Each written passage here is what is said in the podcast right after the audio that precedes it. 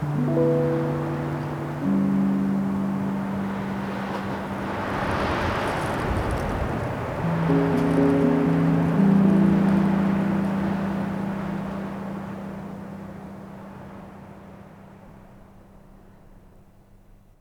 du funnet deg et sted?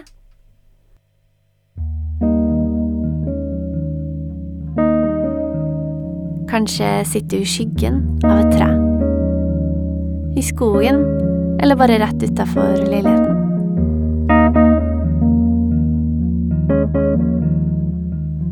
Eller du har funnet deg en stein ved elvebredden? Eller på en naken fjelltopp med utsikt over ja, hva da?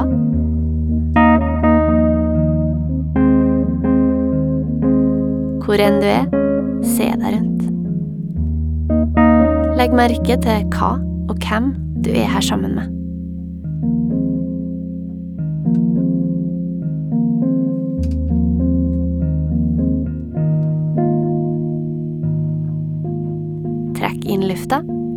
Dypt ned i lungene.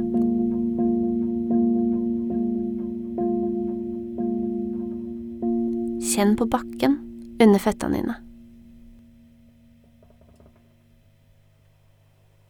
Lytt. Hva hører du?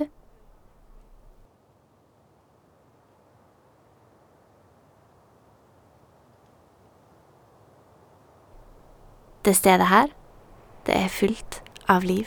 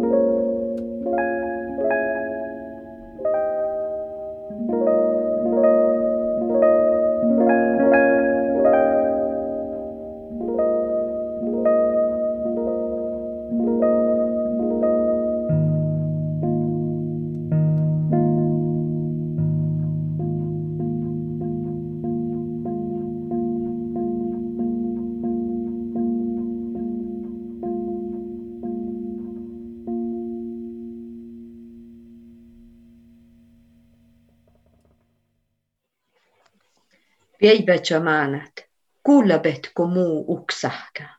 Mulla aidas. airas. Iidalata hiena, ma ei raddi jäi pieras, ipmille ja mii kuudimme tikkide. Suulas paan, höreder mig uksahka, juulas vokter. Jag är gudenes utsending. Dette er ikke den jorda, den rådende familie, gudene og vi overlot Etnama maanat, kullabet kun muu uksahka. Moi muistelitsyn radiaji pierrasi, immilitä ja vuongaida. Mai tsärksin tiis vuotan. Mai taajasin, mai, mai. Barn av jorda, hörde dere mig uksahka. Hva skal jeg si til den rådende familie, gudene og åndene? Hvilke hilsener skal jeg ta med? Hva skal jeg si? Hva? Hva?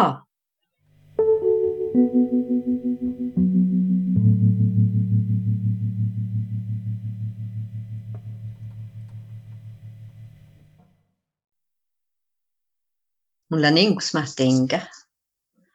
Jeg heter Inga Ravna Eira, er fra Karasjok. Er nå pensjonert lærer min hovedbeskjeftigelse i dag er å være forfatter. Samene kalles jo for solas barn, fordi sola var viktig, en av de viktigste gudene i den gamle samiske religionen. Så jeg har tenkt jeg skal snakke både til samene og resten av jordas barn, ikke sant, i det andre verset. Fordi i den gamle samiske religionen så er det ganske mange guder. Oksahka tilhører en av de tre gudinnene som er i nærheten av menneskenes sfære. Det er Sarahke som har ansvaret for jenter og kvinner og hunndyr. Jøksahka med pil og bue, som har ansvar for gutter og menn og hanndyr. Og så Oksahke, som da har ansvar for samfunnet, teltet. Og jeg har da utvida dette her til at hun kommer og egentlig er jordas vokter.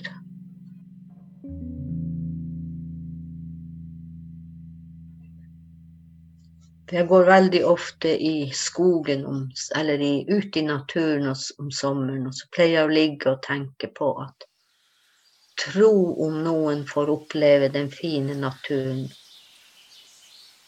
ja, alle de fine naturopplevelsene jeg fikk oppleve som barn. Da var naturen hel. Hel sånn som den skulle være. Men nå er den jo ikke det.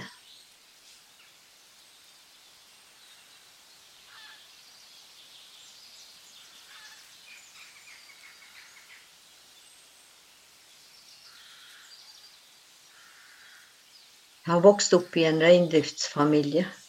Og vi flyttet mellom vinterbeite og sommerbeite.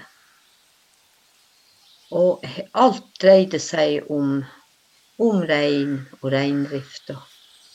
Og det å være flyttsame Du eier ikke jorda.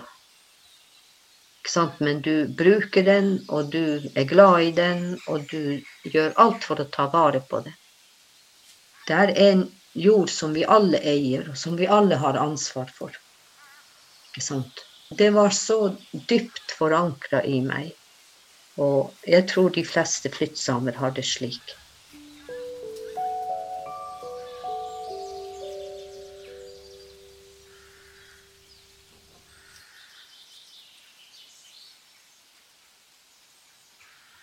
Det jeg lærte hjemme, det var jo det at når du er ute i naturen, så skal du du skal aldri legge igjen noe som ikke tilhører naturen. Det skal du ta med deg hjem.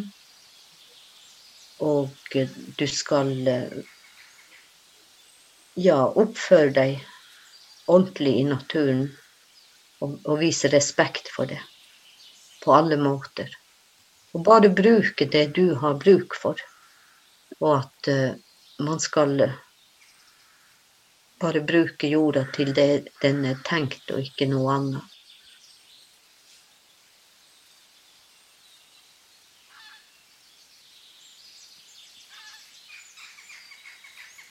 Vi lærte å joike hjemme, men det torde vi ikke å gjøre på skolen, for det var jo forbudt.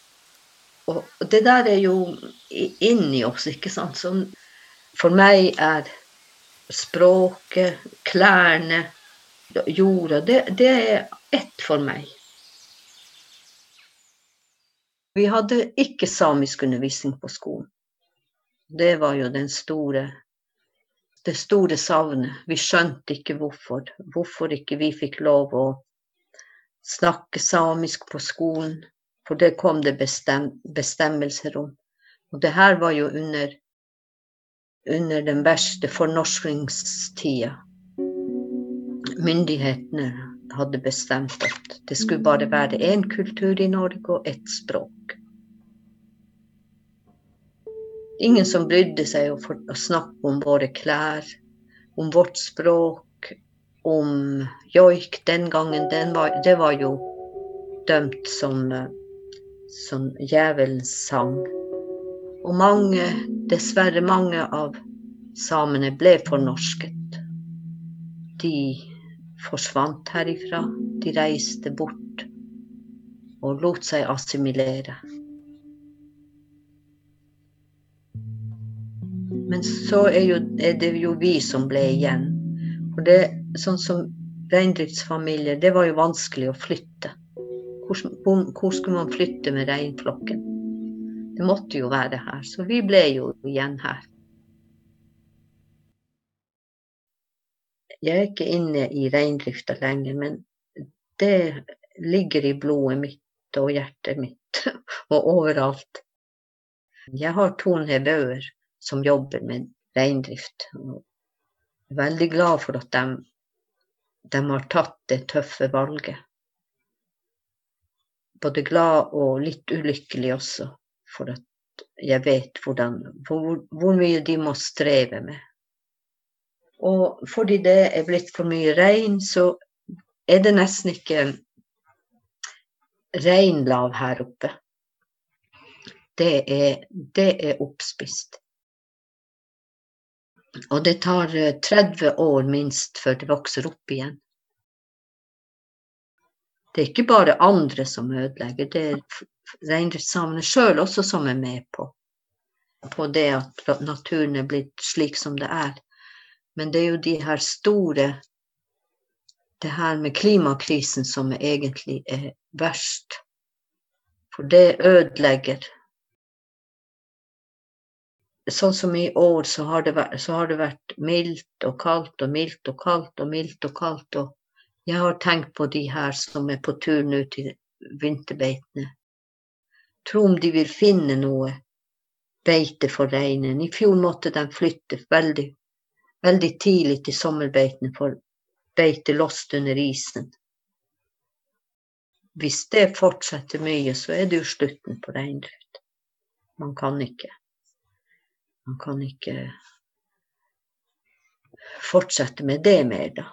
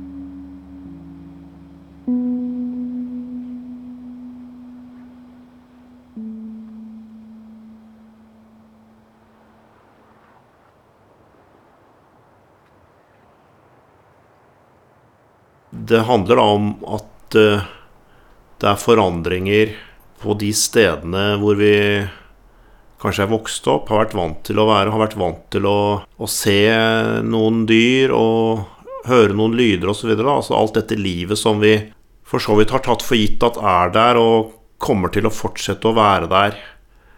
Uh, så det er vel nå ca. 15 år siden at jeg hadde den, den erfaringen der da, som gjorde at uh, naturtap gikk fra å være noe jeg leste om, og som var spesielt ille kanskje i Australia eller altså Great Barrier Reef, eller liksom med sånne type eksempler, da, som får veldig stor medieoppmerksomhet, til at jeg møtte det samme fenomenet hjemme, da.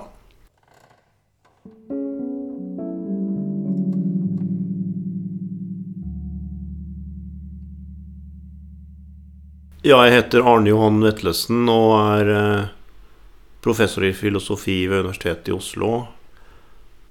Vi bodde jo da den gangen altså i 14 år eh, ganske landlig.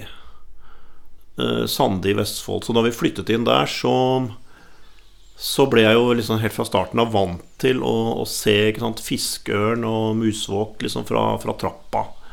når jeg gikk ned til bussen og sånn, så, så visste jeg litt avhengig av tid på døgnet, og så, sånn, så var det godt håp om å se. Uh, og liksom, liksom kunne vinke, da, nå er jeg musevåken der, og, og, og, sånn og sånn. Så det var liksom sånn den plassen, det stedet var, da. Med, med disse som, som, hørte hjemme der, som var en del av det. Og som jeg satte veldig stor pris på og lagt merke til, for jeg hadde da flyttet fra Oslo sentrum. ikke sant? Så det var jo en del av vitsen med å, å flytte dit, da. Og så gikk det noen år, uh, og jeg hadde vent meg til også at uh, at jeg liksom sovnet inn da, til uh, kattugla, så, som holdt til litt lenger nede i bakken. Så dette var sånne konstanter, da. At disse dyrene viste seg og lagde de og de lydene på de og de tidene av døgnet, avhengig av årstid og hva det måtte være. Sånn og sånn. Det var en del av liksom, stedets identitet og min tilhørighet der. Så la jeg merke til det at eh, jøss uh, uh, Jeg hører ikke kattugla. Ja ja, men uh, altså, kanskje den bare ikke er der nå, eller altså et eller annet sånt. Liksom bare avskriver, da. Men så skjer jo det at uh, min oppmerksomhet omkring dette blir jo skjerpet, da. Det er det som skjer. Så jeg blir liggende liksom kveld etter kveld og, og lytte etter den, da. Ikke sant? For den skulle jo egentlig være der. Den har jo vært der så lenge vi har bodd der. Men den er ikke der lenger. Og så ser jeg da at uh, det er noe flatehogst Eh, som bonden har gjort. Eh, og, det var sannsynligvis der de var og sånn, og, nå er det ikke der lenger. Eh, og det er jo en sånn forsvinning som, som ellers er usynlig da, og taus for de fleste av oss. Det blir aldri en førsteside på det at kattugla er forsvunnet fra, fra Bekkestranda. Når jeg da skjønte at trolig så får jeg aldri høre kattugla igjen her, så lenge vi bor her. Sånn sett en form for tap, da, for meg. Det er jo på den ene siden veldig partikulært, da, om du vil. Altså det er, det er dette stedet, eh, det er denne ugla, sånn og sånn. Eh, men den kunnskapen jeg har, selvfølgelig, den, den forteller meg at eh, dette partikulære fenomenet, denne endringen her hos meg nå, med katteugla, det er samme type endring samme type tap, forsvinning, som nå skjer så mange andre steder. I Norge, i Skandinavia, i Europa, i verden, you name it. ikke sant? Det er et globalt fenomen som jeg nå har blitt oppmerksom på liksom min helt lokale variant av, da. Her. Og det å ta det store bildet, da, med utgangspunkt liksom i det helt lille, innover seg, det vekker uhygge. Og da, da, nærmer vi oss dette begrepet til uh, Glenn Albrecht, uh, australsk filosof, solastalgia.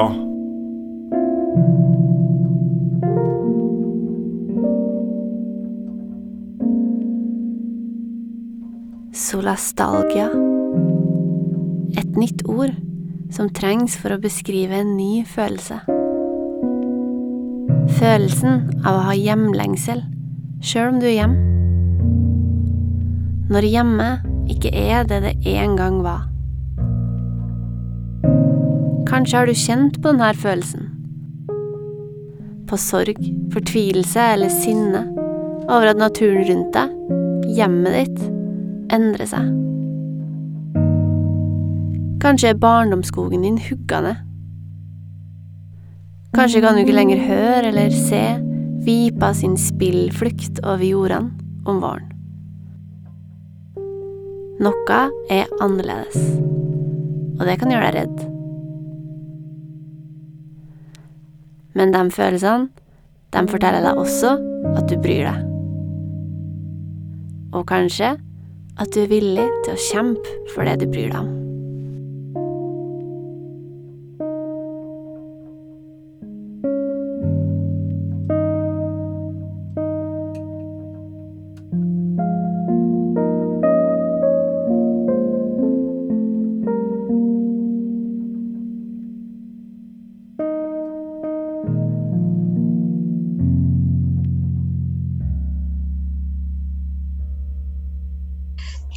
Jeg skal joike Halkaverri. Det er et, et veldig pent fjell på sommerbeitet vårt. På vei fra Karasjok til Lakselv. Så ser du det fjellet der. Det er så pent. Men fra 70-tallet så har eh, militæret hatt det området der. Og nå i det siste er det blitt et stort skytefelt hvor eh, det skytes flere ganger i året. Noen ganger kommer det militær fra andre land også. Og det, det var det mest fruktbare fjellet der. For jeg har vært med min far en gang og sett, før de ødela det helt.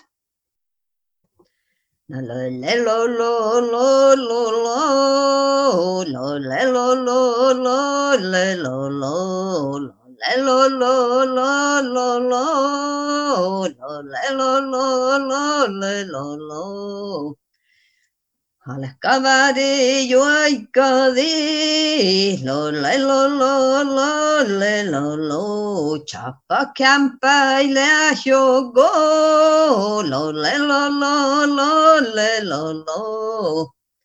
O da da sai le checo, lo le lo lo lo le lo lo, lo le lo lo lo lo lo, lo le lo lo lo le lo lo. Wai halka vari lo lo go, lo le lo lo lo le lo lo. Lo.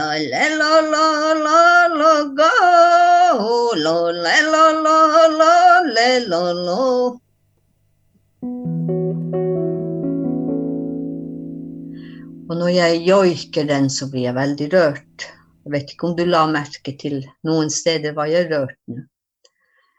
Det er fordi jeg tenker på de som laget den joiken for lenge, lenge siden.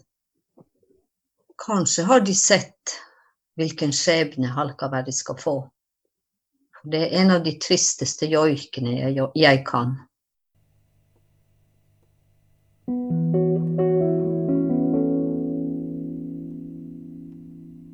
Så har jo naturen hatt tidligere en rolle i å være det som vi oppsøker når vi kanskje er i sorg.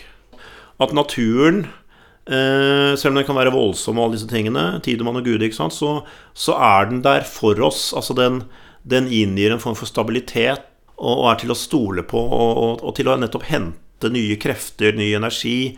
Eh, Så dette er veldig opplagte ting for oss egentlig enda, da, at, at, at naturen virker betryggende, stabiliserende, trøstende, energigivende etter den lange høsten og vinteren.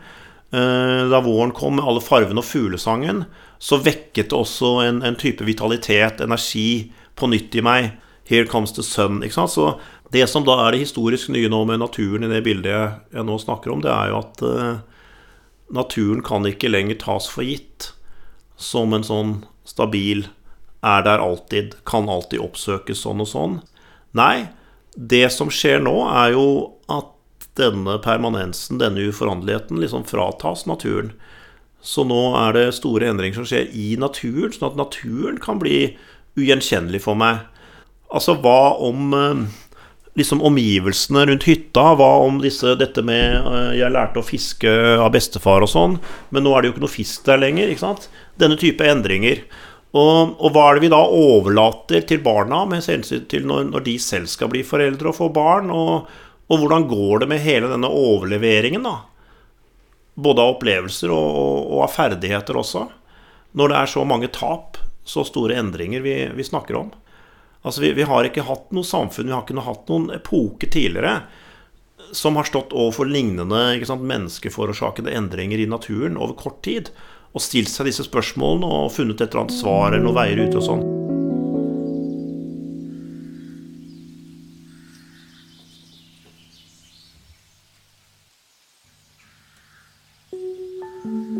Jeg har en sønn som eh, Jeg ble oppmerksom på det da han var eh, tre år gammel, og vi gikk eh, turer i skogen, så, så sa han hei til bekken og, og, til trærne der når vi skulle raste. Og så ha det når vi, når vi gikk igjen. Og så gikk det et par år. Han ble større. Han ble seks. Og så la jeg merke til at han hadde jo sluttet med å si hei til trærne og til bekken og, ha det når vi gikk igjen. Og da han ble enda litt større, så spurte jeg han eh, Husker du at når vi var her og du var mindre, så sa du hei og ha det. Hvorfor har du sluttet med det? Uh, og da ser han på meg som en sånn håpløs pappa da, som stiller et idiotisk spørsmål som i hvert fall pappa må vite svaret på. Ikke sant? Uh, sånn, selvfølgelig har jeg sluttet med det. Så han husker godt, han bedekter ikke at han, han holdt på med dette da han var mindre. Men selvfølgelig har han sluttet med det. Uh, og så sier han uh, liksom at ja, hvis noen skulle komme her, liksom, nå, klassekamerater eller sånn, og se at jeg sa hei, eller Så ikke sant, det ville være helt, helt håpløst, da. Bli liksom tatt på fersken med noe så, så barnslig, da. Og liksom den, den, litt mer akademiske måten å beskrive denne endringen hos ham på, da, det er jo å si at den eh, eksemplifiserer eh, vellykket sosialisering inn i vår kultur.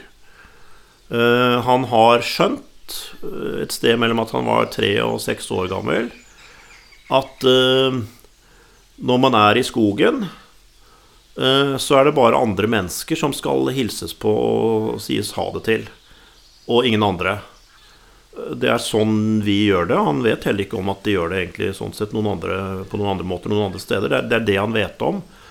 Og han har jo heller ikke hatt en pappa som har hilst på disse trærne, eller fortsatt med det i voksen alder. Så han har jo liksom ingen å vise til som, som så å si opprettholder en sånn type praksis, da. Så da er den per definisjon barnslig, og noe han da må legge bak seg. Barn kommer eh, inn i denne verden med en veldig åpenhet, uh, fascinasjon for alt levende. Det er veldig slående. Og hvis man har barn selv og er oppmerksom på det, sånt, så, så, så, blir man veldig slått av det. Uh, så det er jo på en måte starten da, ved å være én skapning, en art blant mange andre. Uh, at nettopp at det er mange andre, og at de er forskjellige fra oss. Beveger seg på forskjellige måter, har ulike reaksjoner, lager ulike lyder og alt mulig sånt noe, er selve poenget. da det er selve fascinasjonen. At det er så mye der å utforske. Eh, og de har, de har ennå ikke blitt sosialisert inn i en form for hierarki. da. At det er noen av disse formene for liv som er mer verdt. Eller det er bare noen eller én form som virkelig har en verdi i seg selv, og alle de andre er midler. ikke sant? Så det, det er ikke noe som er intuitivt uh, for et barn. Det, det, må de læres inn i kulturelt. Og det er det vi gjør, da. Hvis en voksen da skulle insistere på å fortsette sånn som treåringen gjorde, som voksen, så er det bare et tidsspørsmål før man liksom kaller inn uh, psykiatrien. Og det er jo litt liksom flåsete sagt, da, men liksom, skjønner hva jeg mener. ikke sant? Så er, vi er jo i en kultur som egentlig er veldig sånn non-tolerant, veldig sånn repressiv da, på, på hva slags atferd overfor andre arter og trær og sånn som som er akseptabel, da, som er normal, og som harmonerer med en eller annen form for rasjonalitet og hva man kan forvente av voksne. Og, og det skal, skal, veldig lite liksom, avvik til da, før man begynner å lete etter sånne individualpsykiatriske forklaringer. da.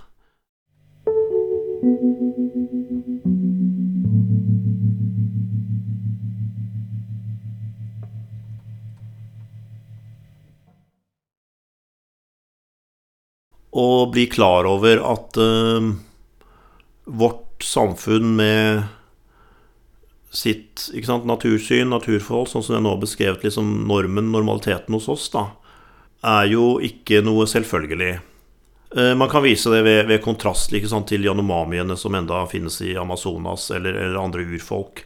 Vel så interessant er jo det historiske at uh, det er jo ikke fryktelig lenge siden i vår egen kultur at det var eh, Hva skal vi si En kulturell aksept for at, eh, at det var ånder. Altså, På et tidspunkt så, så, er det mange forestillinger her om, om, om, naturen og vesener i naturen og deres evner og så sånn av åndelig art, da, eh, som ble erklært som overtro. Og som liksom klasja mot den moderne vitenskapen, da, særlig naturvitenskapen. Men i det store historiske perspektivet så er jo det helt nytt.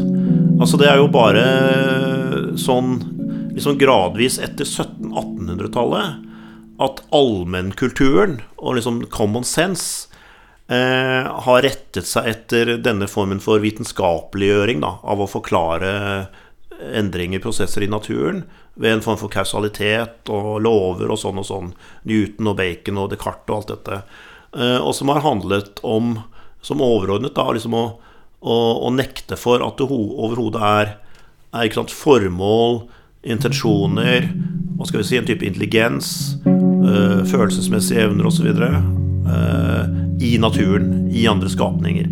Og I den grad det er noen sånne evner der, så er de da veldig primitive sammenlignet med hvor avanserte de er hos oss osv. Så, videre. så ikke sant, all denne hierarkiseringen som du er inne på, den, den, er en ganske nymotens greie, og spesielt da historisk i, i Vesten, ikke sant? i vår type kultur. da.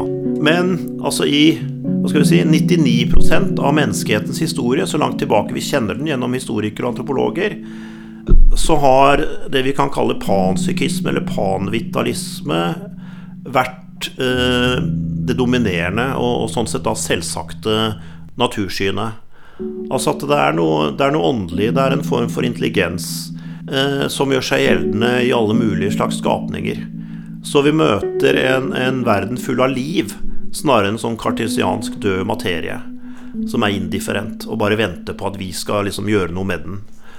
Så eh, barnet, da, som jeg har også beskrevet i form av min egen uh, tre år gamle sønn, han, han, kunne jeg jo ikke sant, si da For å gjøre poenget er en slags panpsykist i, i sin praksis. Eh, men så slutter han da med det, og han kommer da inn i den folden som også jeg som faren hans ikke sant, er, en del av gjennom min praksis. Ikke hilse på trærne. Det er et veldig stort potensial for å fastholde istedenfor liksom å avvenne barn med denne medfødte åpenheten, fascinasjonen for alt levende. Fordi at sånn, sånn filosofisk uttrykt, men også helt konkret, så så er det et natursyn, det er et naturforhold, som er, for å bruke det ordet jeg ikke liker, ikke mye mer bærekraftig enn en det vi har, da, som er en sånn uh, antroposentrisme som går sammen med en materialistisk livsstil med veldig høyt forbruk og, og sånn sense of entitlement. Da, At vi som mennesker har rett til å underlegge oss naturen uh, for vår nytte og, og sånn og sånn.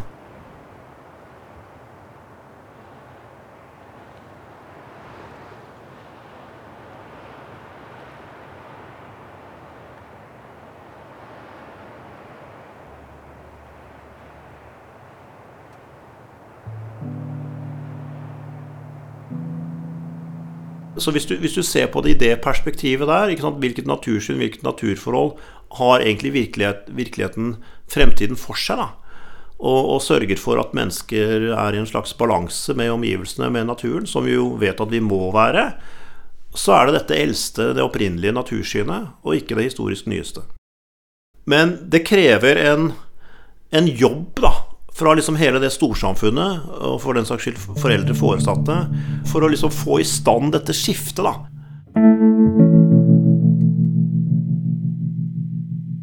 Vi må sørge for at barn, etter hvert som de da blir voksne, ikke kan komme og si til mamma og pappa at uh, Hvorfor sa dere ikke noe? Hvorfor gjorde dere ikke noe? Hvorfor kunne ikke vi liksom alle være med for å gjøre noe mot den utviklingen? Og det å skåne barna for dårlige nyheter om klima og miljø, som en del voksne vil snakke om at de gjør, eh, det er det egentlig ganske lett å gjennomskue at eh, det er ikke for at de skal beskytte barna overfor ubehageligheter, det er for at de vil beskytte seg selv. Og de vil også beskytte seg selv overfor anklager fra barna, som kan komme når barna skjønner mer.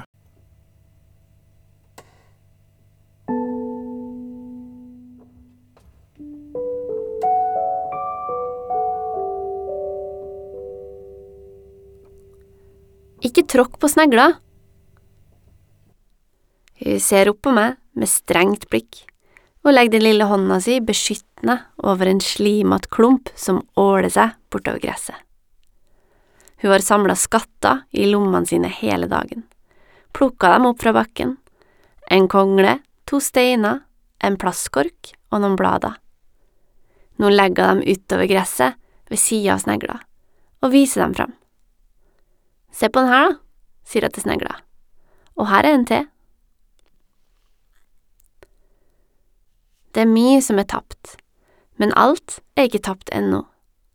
Raseri og kjærlighet henger sammen. Over hele landet, ja, hele verden, finnes det mennesker som kjemper for naturen, for andre skapninger og vesen og dyr som de er glad i. Hvis du begynner å se etter, så ser du det overalt. Vi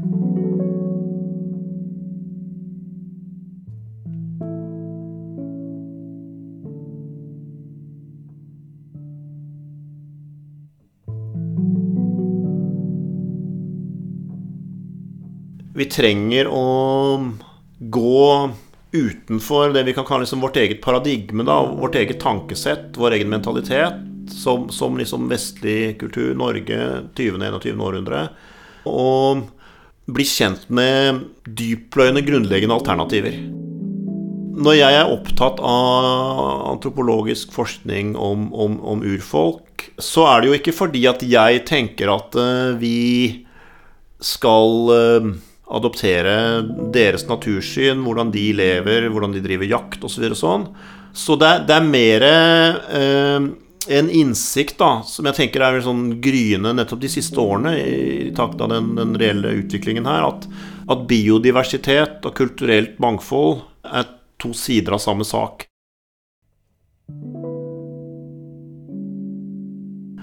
Det vi vet, er at de beste til å ta vare på regnskogen, det er de som alltid har bodd der. Punktum. Altså det vi kaller local knowledge. Uh, og det har å gjøre med en alternativ kunnskapsmodell da, til den vi har hatt i Vesten, særlig siden Platon. Litt sånn evig og, og, og, for hvert tilfelle gjeldende lover som forklarer prosesser og endringer i, i, naturen for oss. Som gjelder på samme måte hver, for hvert tilfelle. Den er viktig. Ferdig med det. Så er det at det er også viktig at uh, det vokser opp folk i de områdene de vokser opp med de artene som er der, og sånn og sånn. Hvis man fisker, og hva kan man treffe på, og hva er den lyden? Og alt dette er partikulært. Og urfolk er jo, med få unntak, så er jo urfolk liksom eh, menneskehetens største suksesshistorie når det gjelder genuin bærekraft. Og det er også fordi at de lever i et sånn syvgenerasjonsperspektiv, og det er ikke bare en myte. Altså det er liksom, hvis, hvis, vi tar ut dette her nå, hvis vi ekspanderer og sånn og sånn nå, hva vil det bety om syv generasjoner? Så de har hatt et, et, et fremtidsperspektiv mens, mens liksom storkapitalen har eh, neste kvartal og bunnlinjen om tre måneder og sånn, for å sette på spissen. Altså egentlig et kortere og kortere perspektiv eh, har vi hatt, da. Og liksom prøver å gjøre sånn global gjeldende modell for alle og sånn. Og vi ser nå hvor galt det går. Så sånn sett så er det veldig mye å lære, da. Fra det å, å sørge for over, over, å bo og ferdes og overleve i et område over veldig mange år, ikke sant. Den derre matchen, da mellom det vi kan kalle natur og, og, og, og kultur der. Det, og det, er det urfolk er en suksesshistorie. Det er, det er den matchen. Og Derfor så kan de si fra nå i Finnmark at hvis dere gjør de og de endringene som påvirker hvor, hvor reinen går og sånn, så, så, går det ikke lenger. De sier hit, men ikke lenger, da. Og det, og det trengs. Og det er også skills. Det er, det, er ferdigheter som er umistelige.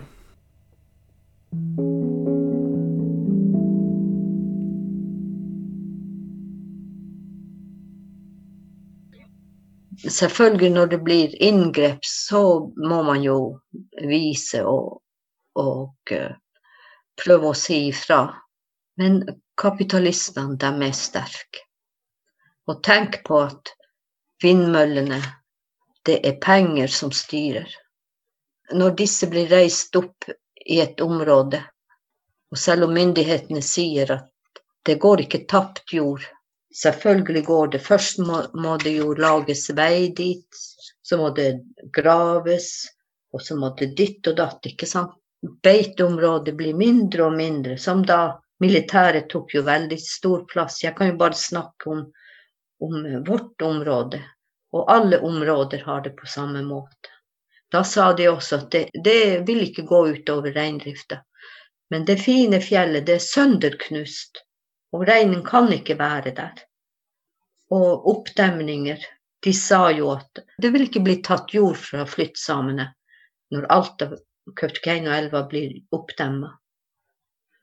Heldigvis landa de på den minste oppdemminga, men hvis den store oppdemminga hadde vært, så hadde store deler av Finnmarksvidda vært under vann. Og de, de, tenker arbeidsplasser, de tenker ja, sånn som med denne skytefeltet. De tenker på det er jo selvfølgelig for at vårt land skal ha forsvar, men uh, det er jo grenser for hva man kan gjøre. Jeg har ikke skrevet direkte om at vi ikke eier jorda. Selv om vi eier den, men vi eier den i fellesskap.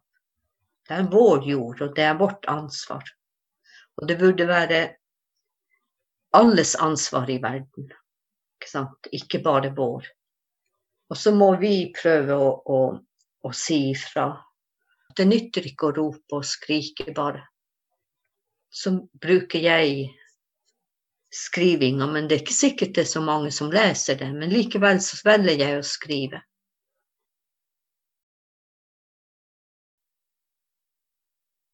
بيبة مانت كل بيتكم مو أكسحك ملانئ مليايرس إذا لتهينا ما راضي جبيرش إئملا يمي كودي متجدة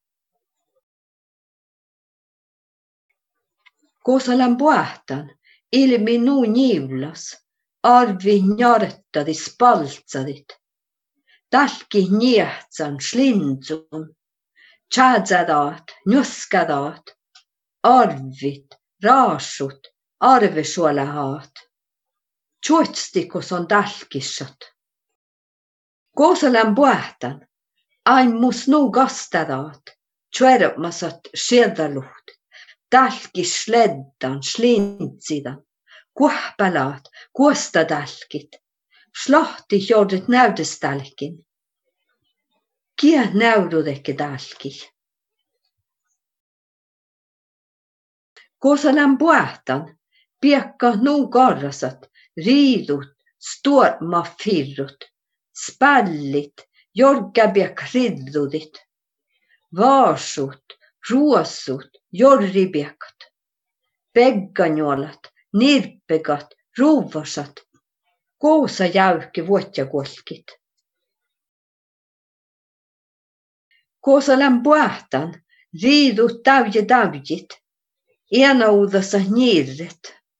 Tjahtsi borra, ferahahta, ena dodjun, johtan, kahtsahaat, njaskuhaat, koospuhti där suttadaat.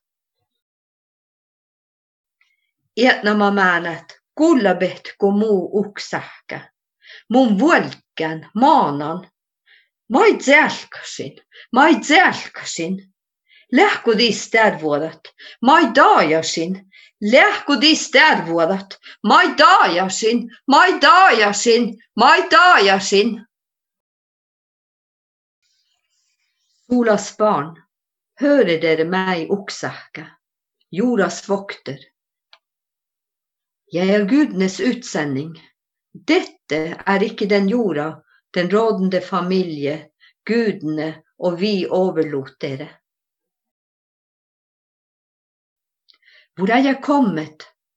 Lufta er så vannsyk. Alt er klissbløtt, gjennomvått.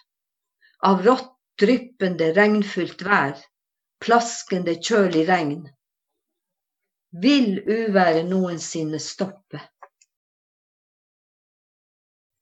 Hvor er jeg kommet? Lufta er så klam. Bløtt vær, langvarig vått. Klissen kram snø. Sludd snus til styggvær. Haglbygene gir åndenød. Hvem terget værgudene?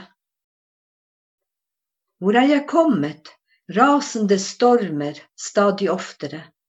Jorda revner av vannets kraft, faller, flytter på seg.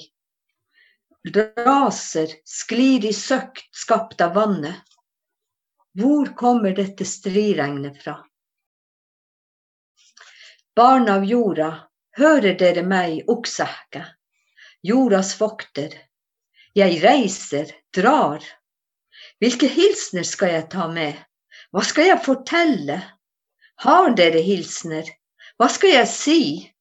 Har dere hilsener? Hva skal jeg si? Hva skal jeg si? Hva skal jeg si?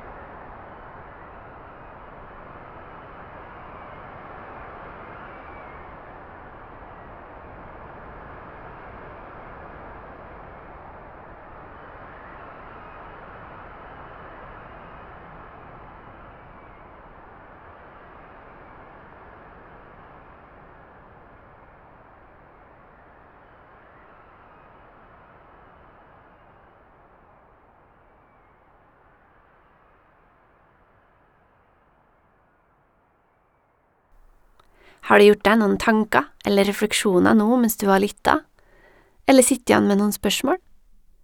Vi blir skikkelig glad hvis du vil dele dem med oss. Du kan skrive, eller enda bedre kanskje, send et kort lydklipp fra opptakeren på smarttelefonen din, og send det til naturenssang at gmail.com. Det er naturens sang i ett ord, altså. Der treffer du oss som har laga denne podkasten. Anja Laudal og meg, Ingrid Salvesen. Det er Anja som har komponert og spiller all musikken du har hørt, og det er jeg som har skrevet tekstene. Takk til forfatter Inga Ravna Eira. Diktene som hun leste i denne podkasten, det var hennes egne, henta fra boka Dette er ikke den jorda. Takk også til filosof Arne Johan Vetlesen. Mer av hans tanker rundt økosorg og økokjærlighet finner du i boka han har vært medredaktør for, Det går til helvete, eller? Takk til Svein Høyer og Asbjørn Tiller ved NTNU for lydopptak av Arktisk vind, og til Human Internasjonale Dokumentarfilmfestival. Og takk til deg for at du tok turen ut og kjent etter.